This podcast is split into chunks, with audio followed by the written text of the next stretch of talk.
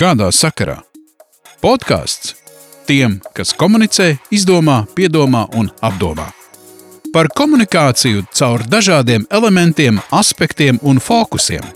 Komunikācija notiek arī ar kurpēm, frizūru, lūpu krāsu, dāvanām, ēdienu, un tas nebūtu nav viss.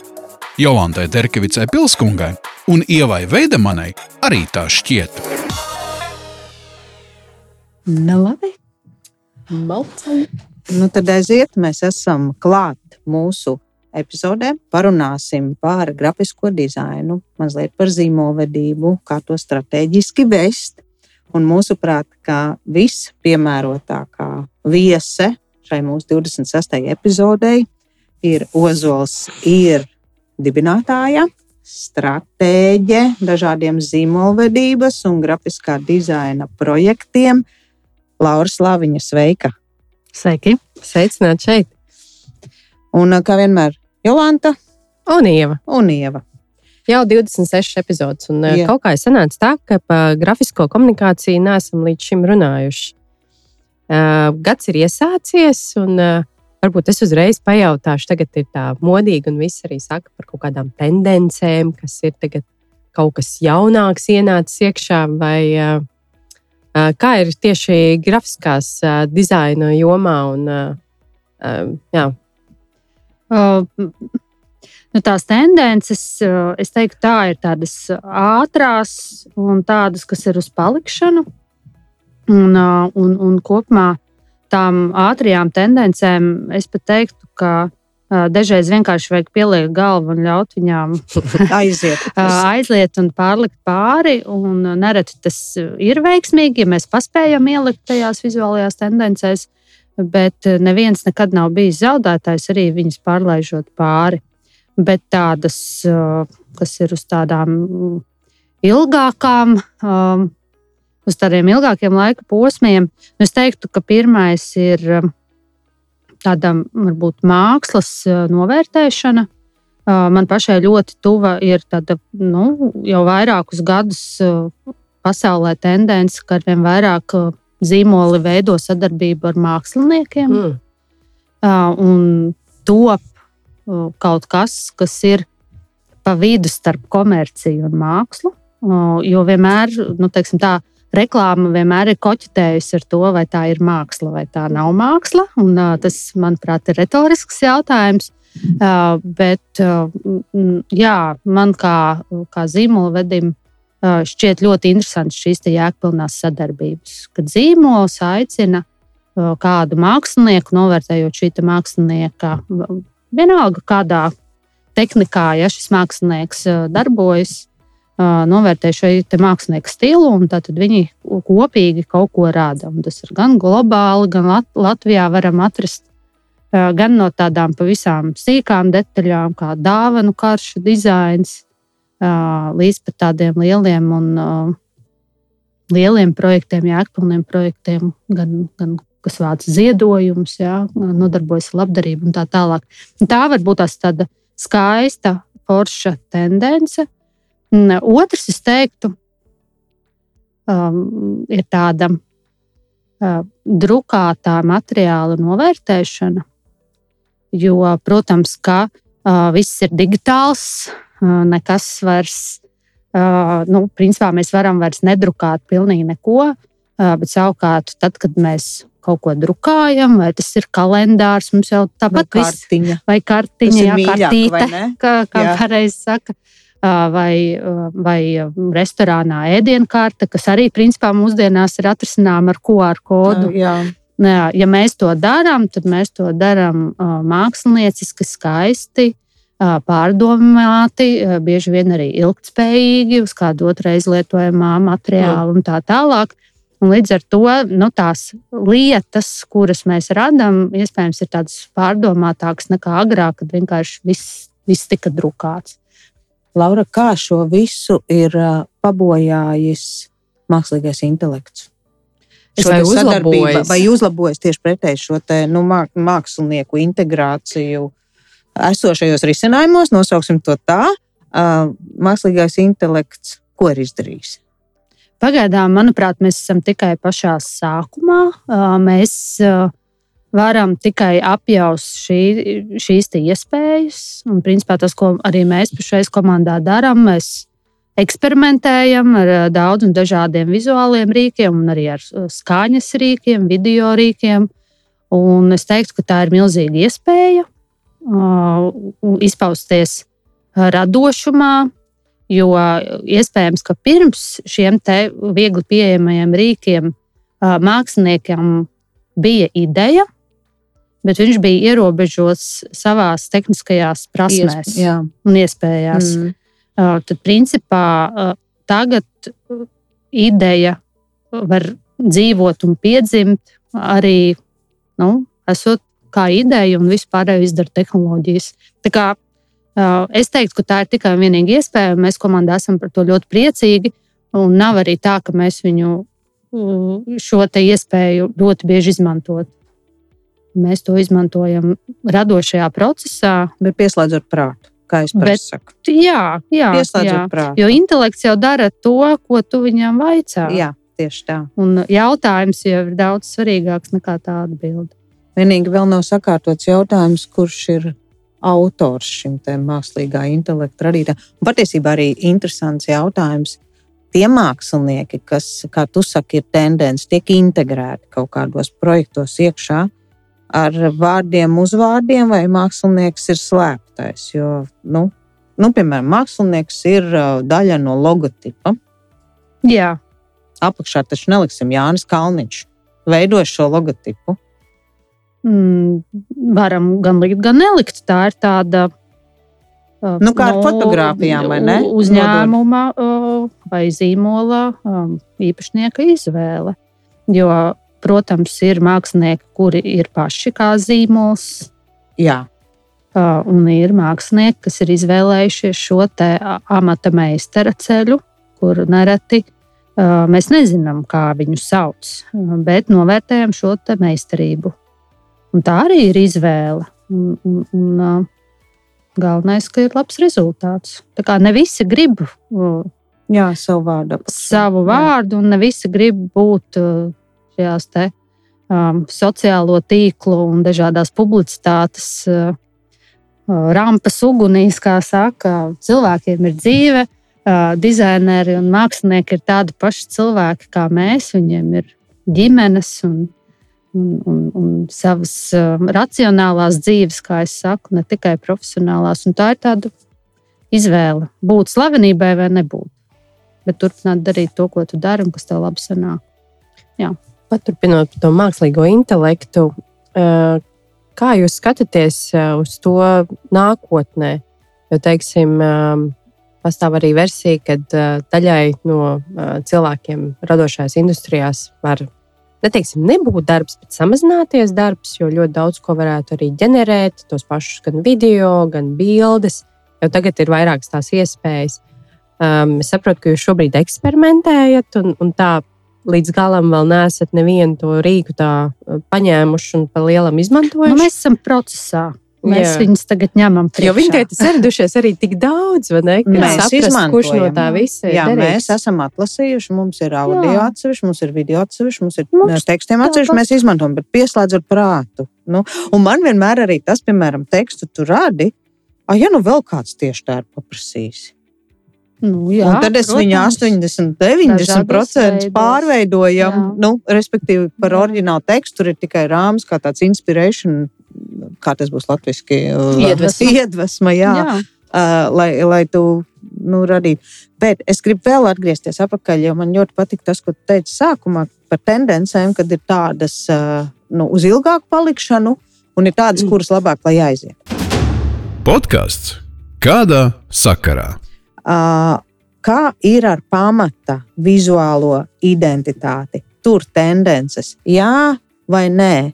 Jo nu, no vienas puses logotips, piemēram, nebūs tas, ko mēs mainīsim katru gadu. Tas nav jādara tikai tāpēc, ka šogad ir kāda krāsa. Bija tas uh, Ir uh, Laigais- kaut kāds, Glābi oranžs. modē, un tagad nomainīsim logotipu. Nu, nu, noteikti, ka nē. Jā. Bet uh, vai kaut kas varbūt no tās ir jau pamatā vizuālā identitāte un ir paplašinātā? Varbūt tai paplašinātajā mēs varam mazliet paskriet līdz tam tendencēm, vai arī nē, mēs atstājam to kodolu nekustīgu mm -hmm. un tad visu pārējo. Kā, kā jūs skatāties uz šo? Uh, nu, principā tā mūsu komandas pārliecība ir, ka vizuālā identitāte ir funkcionāls uh, uzņēmējdarbības rīks. Nu, ja mēs veidojam to uzņēmumu, protams, ja tas ir kādai um, sabiedriskai organizācijai vai veidojumam, tur ir atkal nedaudz citādāk. Tur uh, mērķa auditorija ir cilvēks un viņu līdziesaiste. Jā, bet, uh, ja mēs domājam par uzņēmumiem, tad tas ir funkcionāls rīks, uh, kuram ir jāveic visdažādākās funkcijas. Jā, un par identitātes atsvaidzināšanu, vai tas ir logotipa līmenī, vai tas ir tikai kādu elementu līmenī vai vizuālās valodas līmenī, būtu labi lemt tad, kad tam ir funkcionāla vajadzība. Nu, tā tad vai nu mēs gribam uzrunāt citu auditoriju, jaunāku, vecāku, ar citu profesionālu novirzienu, vai mums ir jauni pakalpojumi un produkti, kas prasa kādu citu funkciju. Nu, piemēram, nu, tāds pats kam mēs esam jau izgājuši cauri pēdējos desmit gados, protams, ir pāriešana uz digitālo vidi un ko tas mums izdara, kad uh, digitālajā vidē. Tīpaši, ja mēs skatāmies telefonā, tad viss ir maziņš. Uh Mhm. -huh. Un tas nozīmē, ka ļoti daudzas vizuālās identitātes pēdējo desmit gadu laikā ir gājušas šo transformācijas procesu, lai mūs var tikpat labi ieraudzīt, redzēt un saprast arī ļoti mazos formātos, kas iepriekš iespējams eh, nebija tik svarīgi. Ja? Jo uh, lielai vidas reklāmai ir sērkociņa kastītes likums. Tad, Jā. jā tad Jā. te būtu principā mēs varētu. Nu, Tas pats ir sērkociņa Tie- kastītes tieši tā. Jā. sociālo tīklu Kas vizuāliem. Nu, tas ir tā, sērkociņa kastītes likums, ka burtiem ir tu jābūt tik lieliem, lai tu Jā. braucot ar mašīnu garām, to var izlasīt un to attēlu tur ieraudzīt. Tas ir sērkociņa kastītes Nu, likums. nu, principā vidas reklāmā ir 2 līdz 5 sekundes, Jā. ko cilvēks var veltīt atkarībā no tā, kur tas stāv. Un, um, uh, jā, nu, tas ir viens, un otrs, es teiktu, ka tas virziens ir uh, cilvēcības virzienā, arvien vairāk un vairāk. Gan uzņēmumi, gan dažādas sabiedriskas iestādes vēlas kļūt nu, cilvēkam saprotamāk, sākot no bankām, beidzot ar pašvaldībām, un tas arī maina vizuālo valodu. Tad vizuālā valoda kļūst vienkāršāka, sirsnīgāka, mīļāka. Un, un pēdējo tiešām piecu gadu laikā mēs esam strādājuši tieši nu, finanšu iestādes, juridiskās iestādes, kas uh, pāriet no tāda pavisam augsta un vēsa un augstprātīga, teiksim, pat stila cilvēkam. uz tuvāk cilvēkam. Kā tas reāli izpaužās? Kā tas var izpausties? Kā no tāda augsta kļūt par cilvēcīgu? Kādi ir tie izceļi? Nu, es, es nezinu, vai tas ir izceļš. Es uh, vispār ieteiktu nenodarboties ar izceļiem. Eh, jo, uh, ko nozīmē izceļš? Izceļš ir, ka tu ātri gribi nokļūt pie Ātru rezultāta. Uh, un, protams, kā es saku, vienmēr var paveikties. 5% gadījumu paveicās, un viss ir brīnišķīgi. Mēs esam ātri nonākuši pie rezultāta. Bet kopumā nu, tāds klasiskais ceļš būtu sākt domāt, pirmkārt, lietot pētījumus un instrumentus, lai noskaidrotu racionāli, vai mums viss ir kārtībā. Un tad, balstoties uz šiem pētījumiem, vai tie ir internetā, vai intervijas ar savu klientu, vai kāda jau savu esošu datu pētījumi, mēs izdarām secinājumus un transformējam šo zīmolu, vai vērtības mainām, vai radām stāstu.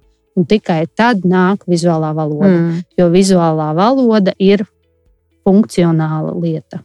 Tā mums palīdz komunicēt to, kas ir mūsos pašos. Nu, tā kā, jā, tā kā es vienmēr iesaku sākt ar padomāšanu un tikai tad ar darīšanu. Un noteikti klientu iesaisti. Ieklausīšanos. Nē, nu, protams, tas ir pētījuma sadaļā, un, jā, jā. pētījuma sadaļā klientu, ne tikai klientu, darbinieku. Mēs tās saucam par pozicionēšanas meistarklasēm, Jā, darbiniekiem, Jā. fokus grupas pētījumu un tā tālāk. dažreiz tas ir patīkami, dažreiz Jā. tas ir mazāk patīkami. Dažreiz, kad tu sadzirdi, ko par tevi domā, ir jāpadomā klientiem. Un, Nu, nu, man tas ir- labi, pēc tam ar labiem Man ir bijuši trīs gadījumi, kas kaut kādā ziņā ir bēdīgi, bet kaut kādā ziņā arī mm, nu, šķiet, ka tas, ko mēs darām, ir svarīgi. Tātad, ka cilvēki, kas vada šo procesu, ir aizgājuši no darba. Mhm. Jo ieraudzījuši, jo... brilles noņēmuši. Jo nu, ir kaut kāda tāda viedokļu sadursme, kur kāds saka, uh, re, kur ieklausāmies, mums ir jāmainās. Un, un vienmēr, nu, nereti uzņēmumu iekšienē, tīpaši, ja tas ir liels uzņēmums, mm -hmm. Kāds saka, liecies tu mierā, mums viss ir labi, darām, kā mēs darījām. Un tad šeit ir šī sadursme. un Man ir trīs reizes bijis 20 gadu laikā, ka es palieku bez klienta procesa vidū, jo klients ir aizsitis durvis un aizgājis. Bet tā tas ir svarīgi. Tas cilvēkiem ir svarīgi. Jo jūs arī maināt. Tas nozīmē, jūs maināt klientu domāšanu. Caur šo procesu. Nu, nu, Jā, nu, es teiktu, viņi paši maina savu domāšanu. Mēs tikai palīdzam, mēs uzdodam Kā coach. jautājumus. jā tā kā. Nu, man nepatīk tas vārds. es neesmu kočs. Man nav tādas izglītības, uh, bet uh, nu, kaut kāda noteikti psiholoģiskais ele- elements tur ir milzīgs. Savā veidā tas ir interesanti. Ne? Jūs tiekat noalgoti, lai veiktu pārmaiņas, un tad, kad pārmaiņas notiek, tad tomēr tās durvis ir cietas. Tā ir gadījies. Jā, bet es domāju, arī jebkurš cilvēks, kurš iet kādu transformācijas procesu savā dzīvē, ir saskāries ar to, ka nereti pārmaiņas uh, varbūt tomēr nav īstajā laikā. Un, un tad arī Varbūt ka ir jāizver durvis jā, pie jā, pārmaiņām. jā, Tieši tā, jā, jo- tam- Jo es nekad neesmu redzējis mm, tā, mūsu komandas pozīciju, ka mēs esam Žanas Darkas vai ka mēs mainām pasauli, bet drīzāk mēs palīdzam uzņēmumiem mainīties, augt, sākties. Mēs viņiem palīdzam tur, kur mēs varam palīdzēt ar tiem instrumentiem, kas mums ir.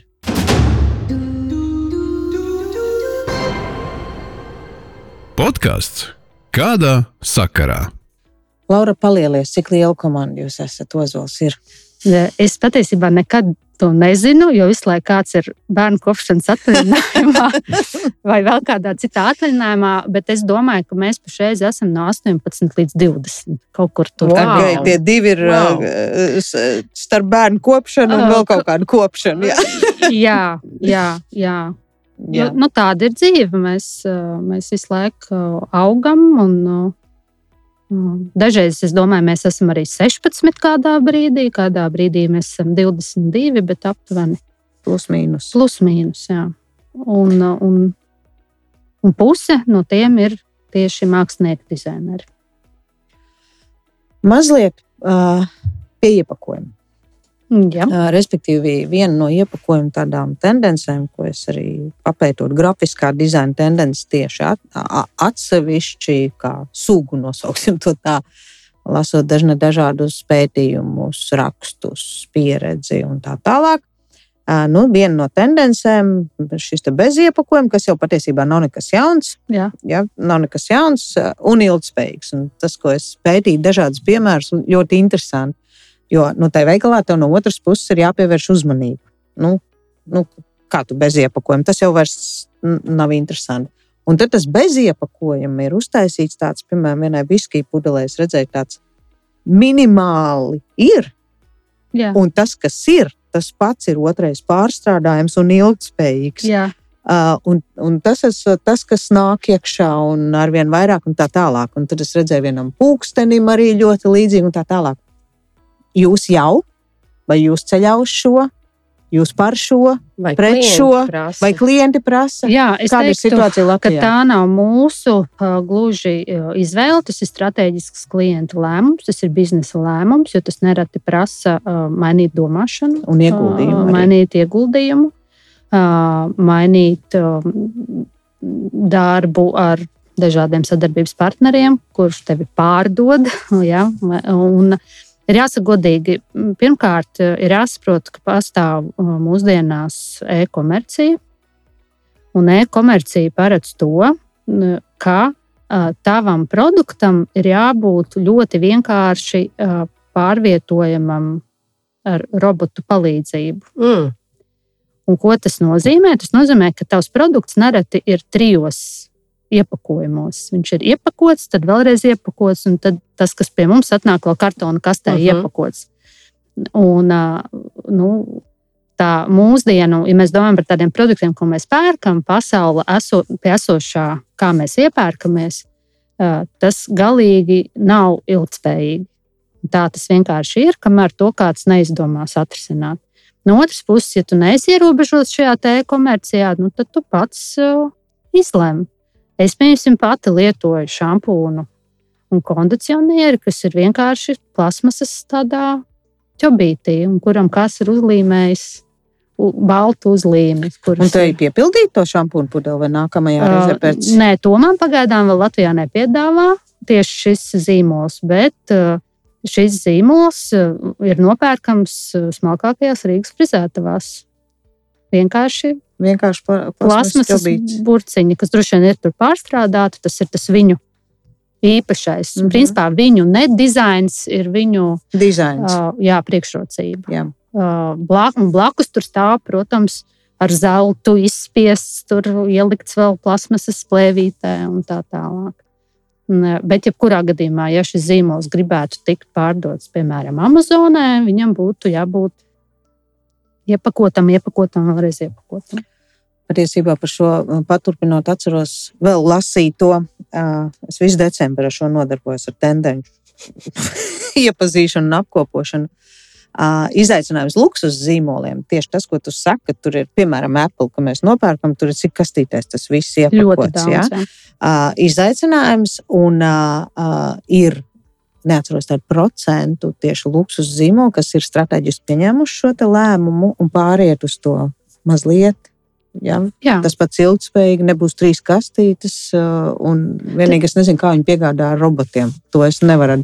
Varbūt nu, nemaz nu, nepiegādā. Ir pie durvīm aizved kaut kā vai kā.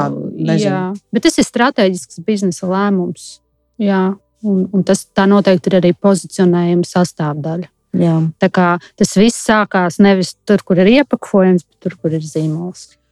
Bet par ilgspēju runājot, nu, direktīva tuvojās. Ar zaļo kursu. Jāatspoguļo, jā, kā tu izmanto, ko tu izmanto, ko tu ietaupi, kā tu ietaupi. Un atkarībā no uzņēmuma lieluma tas jāiekļauj jā. gada pārskatos un tā tālāk. Un uzņēmumi, manuprāt, neapzinās. Es šajā nedēļā arī biju uz konsultāciju pie viena ražojoša uzņēmuma, un es viņiem saku par šo direktīvu, un viņi ieplašās, kas tā tāda. Kā tas uz jums attiec, attieksies jau šogad. Ja, viņi vēl eh, nezina, ka tas, manuprāt, ka tas strateģiskais lēmums būs spiesti. Jā, jā, jā. Bet, uh, tas noteikti nenotiks vienā dienā. Es domāju, tas būs tāds uh, jauks un lēns process, kuru mēs pat nepamanīsim. Viņš būs lēns. Nu.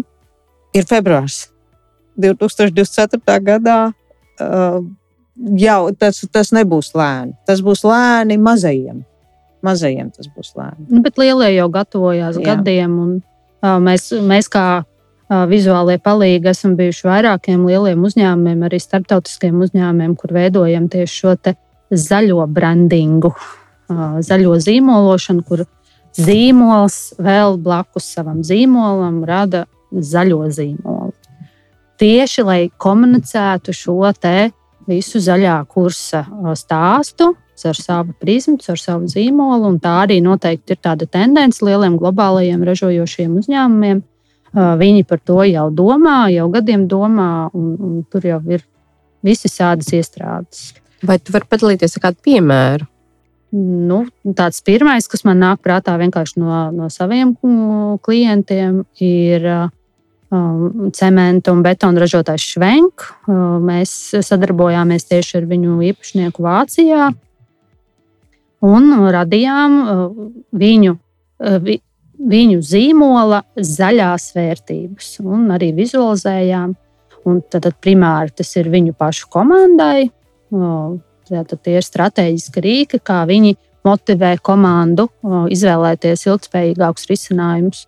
Un, nu, kā, ja mēs domājam par ārējo komunikāciju, tad tie ir visi šie pārskati, mājaslapas, lai tas viss būtu vienots. Un, principā, es teiktu, nu, šajā jomā, kas ir teiksim, tā, šīs te ilgspējas tēmas, sensitīvas temats, nu, tur jau visi lielie pasaules zīmoli to dara. Tas ir standarts. Un dara jau ilgstoši. Jā, ilgstoši. jā.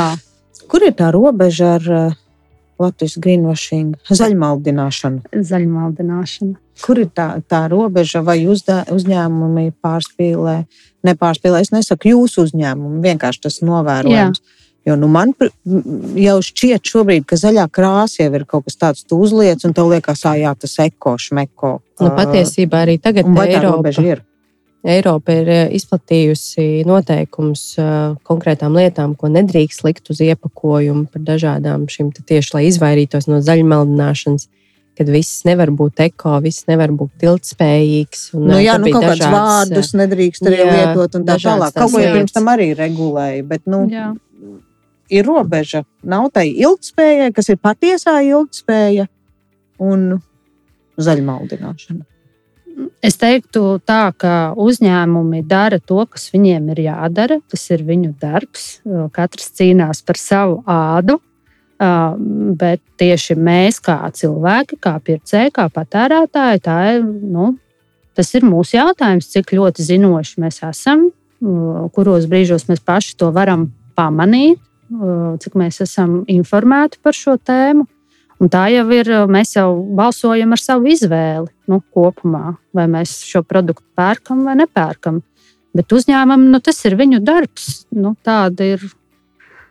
Es tādā ziņā neesmu ideāliste pēc sava pamata pamat izcelsmes es esmu vecs reklāmists. Vecie reklāmisti ir diezgan ciniski šajā jautājumā. Nu, nu kā, nu, viņiem ir jādara savs darbs. Jā, bet patiesībā man liekas, uz to zaļumaldināšanu arī uh, noteikti visiem ir kaut kāds piemērs, kas galvā ir. Man tas ir par McDonald's un viņu salmiņiem, kas tika pozicionēti kā papīra salmiņi, kuriem tomēr iekšā bija plasmas um, pārklājums. Un, tas tika boikotēts, un šie salmiņi, cik es saprotu, vairs neatrodas. Tā kā jā, nu, balsot ar to māku, bet nu, arī ka tāds liels zīmols kā McDonald's, viņi tiešām domāja, ka viņi uz to izšmauks, bet nu, nu, tā viņiem bija. Volkswagens un, un izmešu skandāls. Mm -hmm. un, un, nu, nu, tā tas ir. Tur, tur jau arī strādā tikai cilvēki, no viņiem prasa rezultātu, un viņš šo rezultātu panāk. Un tā jau ir. Tas jau tā uzreiz ir pilnīgi cita tēma par šo te nu, uz sasniegumiem virzīt to sabiedrību. Visu jā. laiku vajag kaut ko sasniegt un pārsniegt, un tas jau ir tas rezultāts. Jā. Un kļūdīties ir cilvēcīgi. Kļūdīties ir cilvēcīgi, bet jā, nu. jāatcerās pašiem, ja tas ir svarīgi, patiešām, tad pašiem pārbaudīt jā. un eh, varbūt eh, nebūt eh, maldinot, nemaldināt sevi par to, ka, ja tas ir liels zīmols, tad viņi noteikti tur, tur viss būs pilnīgi noteikti kārtībā. Un es nesen biju Amerikā, Pārbaudīt. Un uh, man bija jaunums, ka Ņūdžersijas štatā ir jauns likums, ka veikalā iepērkoties nav maisiņu vispār. Pat papīra maisiņu nav. Un viņi nes ar rokām. Jā, ja tev nav līdzi, nes ar rokām. Mēs tieši tā arī darījām. Tikai vienkārši melns uz balta, vienkārši nav.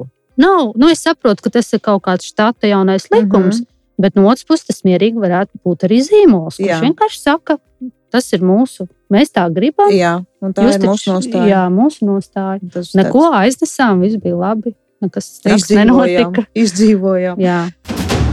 Podkāsts kādā sakarā? Uh, Laura teica, ka es, es esmu vecs reklāmists. Uh, vai tu vari padalīties? Uh, kā sākās tavs stāsts pirms uh, 20 vairāk pirms gadiem 20 šajā nozarē? Jā kāpēc tu iemīlējies tajā visā. Jo nu, tev acis deg, to es zinu. Mēs esam arī strādājuši kopā pāris projektos, un, un tas vienkārši augstas raudzes profesionāls Latvijā. Paldies! Um, bet padalies, kā tas sākās. Mm, es esmu dzimusi 1985. gadā, uh, un tas bija gads, kad piedzima visvairāk bērnu.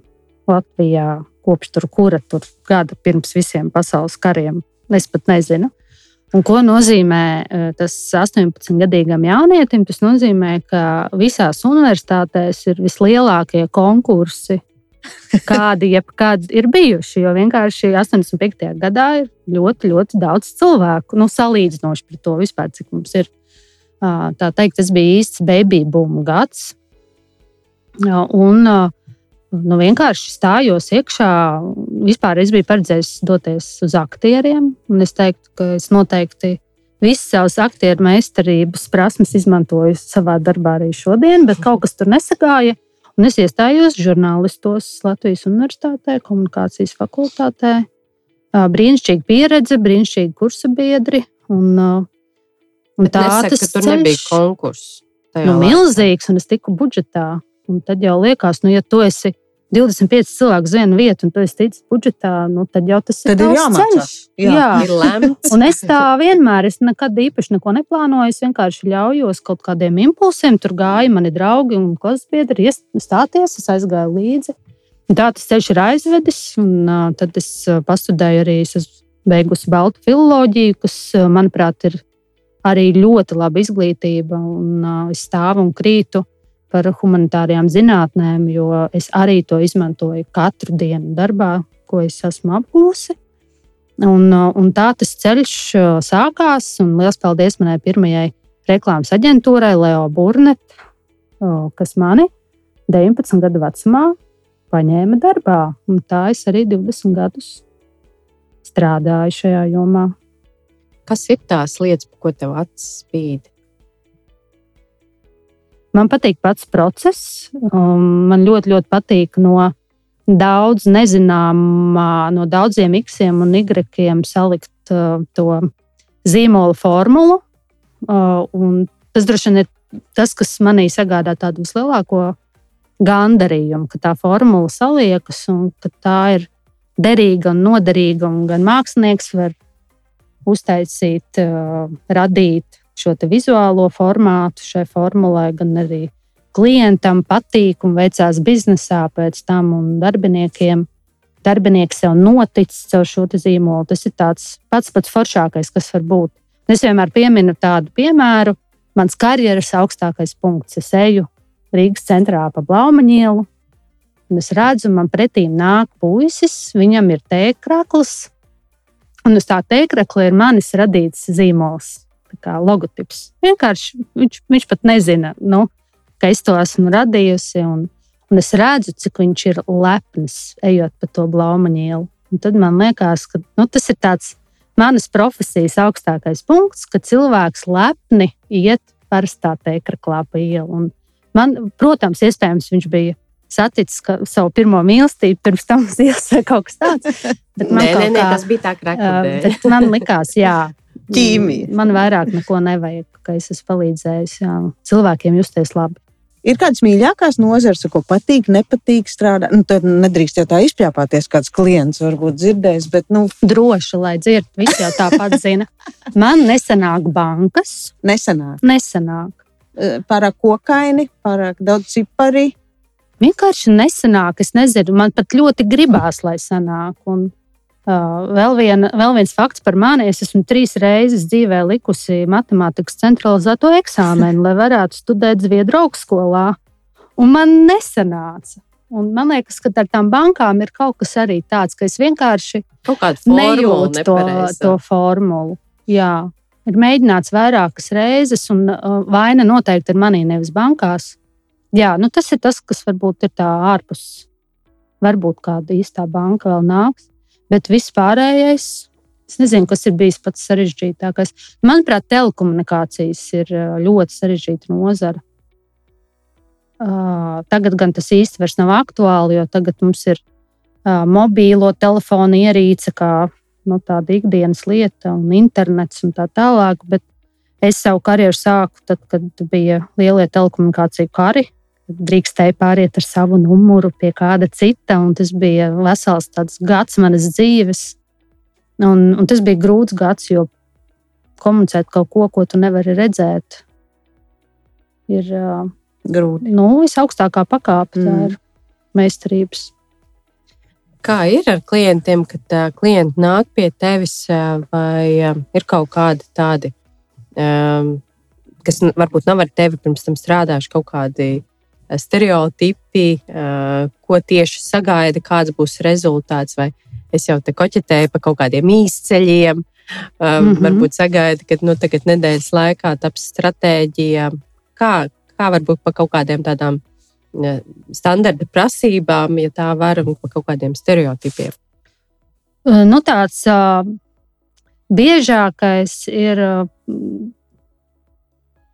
ka pieņem, ka kāds cits izdarīs mūsu vietā visu.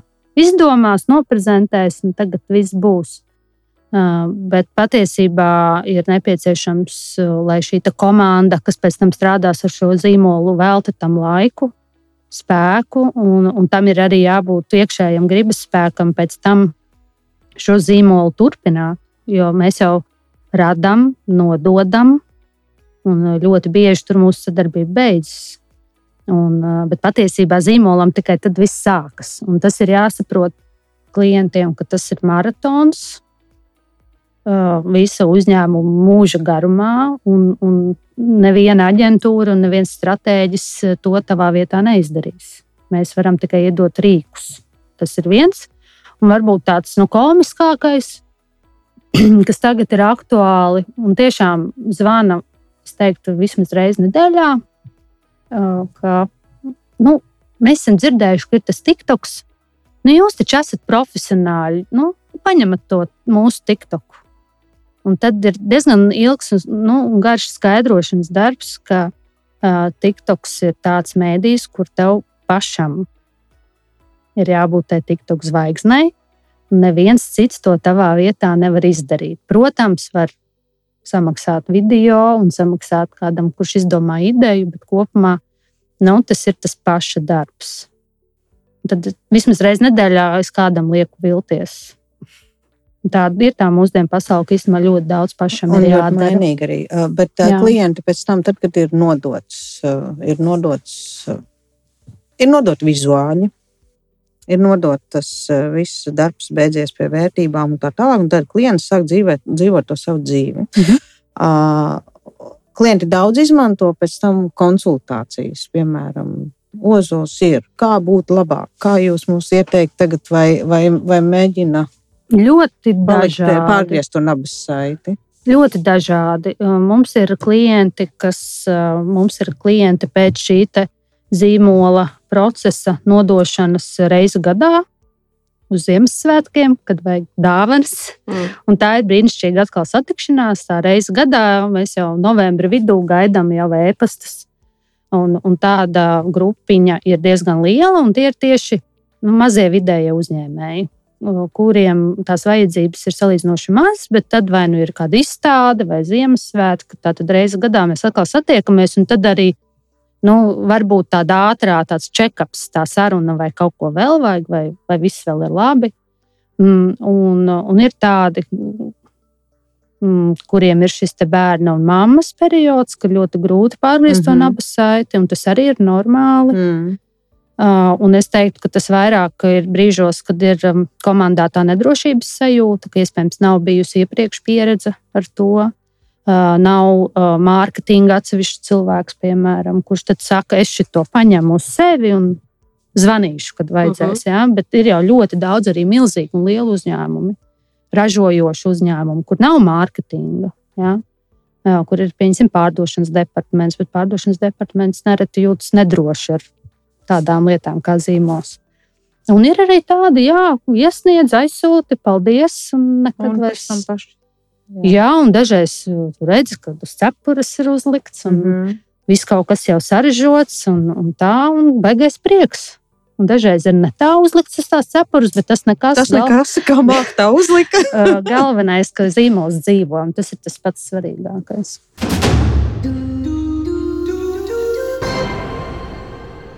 Podkāsts kādā sakarā? Zinu, ka tu biji aizmukusi pagājušajā gadā. Un vispār tu pabeidzi vēl vienu augstskolu, ko neizstāstīji. Un tu biji Jā. kaut kur aizmukusi. Vai tas ir saistīts ar to Ameriku? Nē, Nē. tas ir vēl pirms tam. Jā, Izstāsti, kur tu pabeidzi un, un kad tu to sāki? Un kur tu biji? Jā, tā ir vēl viena mana dzīves fāze, kura galīgi nebija plānota.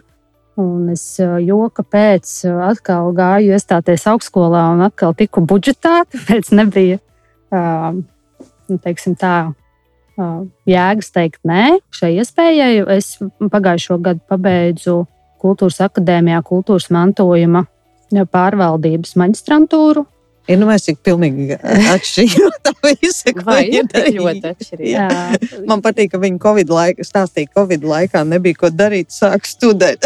jā, jā. jā, es to nekad tādā parastajā dzīvē nevarētu izdarīt. Aha. Jo man ir ļoti dinamiska dzīve, un it īpaši, ja viss kaut kur ir jātiekas un jābraukā, tad principā studijām laika nav. Bet bija Covid laiks, un tāpat bija jāsēž mājās, un vienkārši vēl to vakaru pagarināja pie datora. Un, un kultūras akadēmija tiešām brīnišķīgi, brīnišķīgi tika galā ar, ar visām attālinātajām mācībām. Un, katrā ziņā tikai tie labākie vārdi, un tas tiešām lieku roku sirds ir bijis lielākais intelektuālais izaicinājums manā mūžā. Kultūras akadēmijā studijas, kas liekas, nu, kas tur ir kaut kāda kultūra mācīties. Izaicinājums, vai tas ir saistīts ar laiku, vai arī ar, tu, protams, esi cits cilvēks arī šobrīd, nekā kad tu studēji bakalaura. No nozara arī pēkšņi. Nu, jā, nu, kaut kādā ziņā, jā. Bet, Laura, nepastāsti, tu biji Erasmusā. Jā, un es aizbraucu Erasmusā, bet tas, tas, protams, ir nu, arī personiski. Tad, tad, Es ļoti agri sāku darba dzīvi, un, un salīdzinoši agri sāku arī ģimenes dzīvi. Man agri piedzima bērni, par ko es esmu super laimīga, jo tagad man ir brīva cilvēka dzīve. Man vakari vairs nav jāplāno, lai pieskatītu kādu un tā tālāk. Bet man pirmoreiz dzīvē sanāca, ka man bija labas atzīmes. Un es varēju pieteikties Erasmusā, apmaiņas programmā, jo tad, kad es studēju komunikācijas, tad man nebija labs atzīmes, jo es jau strādāju reklāmas aģentūrā. Darbs vienmēr man ir bijis prioritāte, un tad nekas nesanāca. No tā budžeta ātri izkritu. Un savukārt, kad studēju filologos, man bija mazi bērni, un par to vispār nebija runas. Un es vīram teicu, paklau, man ir labas atzīmes. Laid man. Nu, tā ir vienīgā iespēja dzīvē. Nu, jā, principā. Jā. Nu, tag, nu, Nu, katrā ziņā laba iespēja. Jā, un vīrs tā uz mani paskatījās. Viņš teica, nu, labi, nu, ja jau tā ir, tad tā ir. Un, jā, es pusgadu dzīvoju Beļģijā, Antverpenē, studēju angļu literatūru. Mm uh, Antverpenē. Tas bija mans sapnis. Man vienmēr bija gribējies uh, lasīt grāmatas, jēgpilni, uh, tā ka ir kaut kāds ietvers tam, kā es tās lasu, jo es lasu ļoti daudz, tas ir liels grāmatu darbs, eh, bet man kaut kā gribējās tādu pamatu. Es jūtu, ka man nav tā pamata. O, nu, un tad es tur rīktīgi sacementēju. Bija rīktīgi grūti, jo es paralēli arī strādāju, bet uh, tas, kas man likās ļoti skaisti un romantiski, uh, protams, tad jau arī viss vēl joprojām notika attālināti, līdz ar to klientiem nebija problēmu, ka es esmu kādā citā valstī.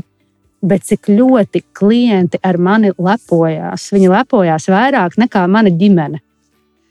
Es biju vairākās sanāksmēs, kur klienti saka, un redziet, un Laura ir, no Beļģijas, un viņa studē, un, un tā valde tā. Jā, nu, man tas likās ļoti īpatnēji, bet ļoti jauki.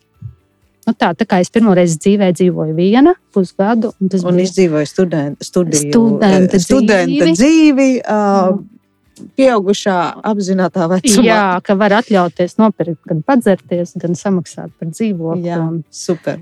Kas Jā. ir tās atziņas, ko tu varbūt paņēmi no Beļģijas, varbūt ar, ar savām latviešu acīm, nodzīvojot pusgadu Beļģijā, tieši tad runājot par vizuālo komunikāciju, par kaut kādu reklāmas jomu.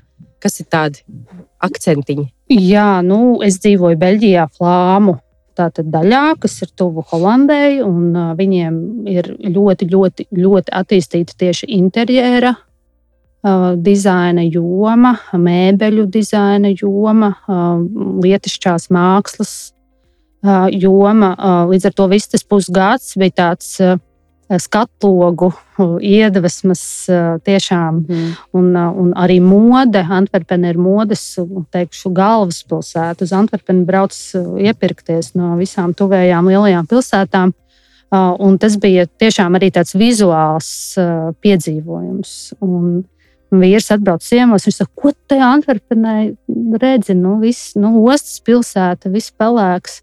Protams, arhitektūra tur ir, bet nu, ir tā, nu, nav tur daudz parku. Jā, vai, bet tieši jā, tā, tas vizuālais piesātinājums un dizains tur ir brīnišķīgs. Un viens no veidiem, kā es vispār sevi motivēju, vispār to paveikt, bija, es to izdarīšu, es pabeigšu, un tad es aizbraukšu uz Antverpeni un tikai staigāšu pa veikaliem.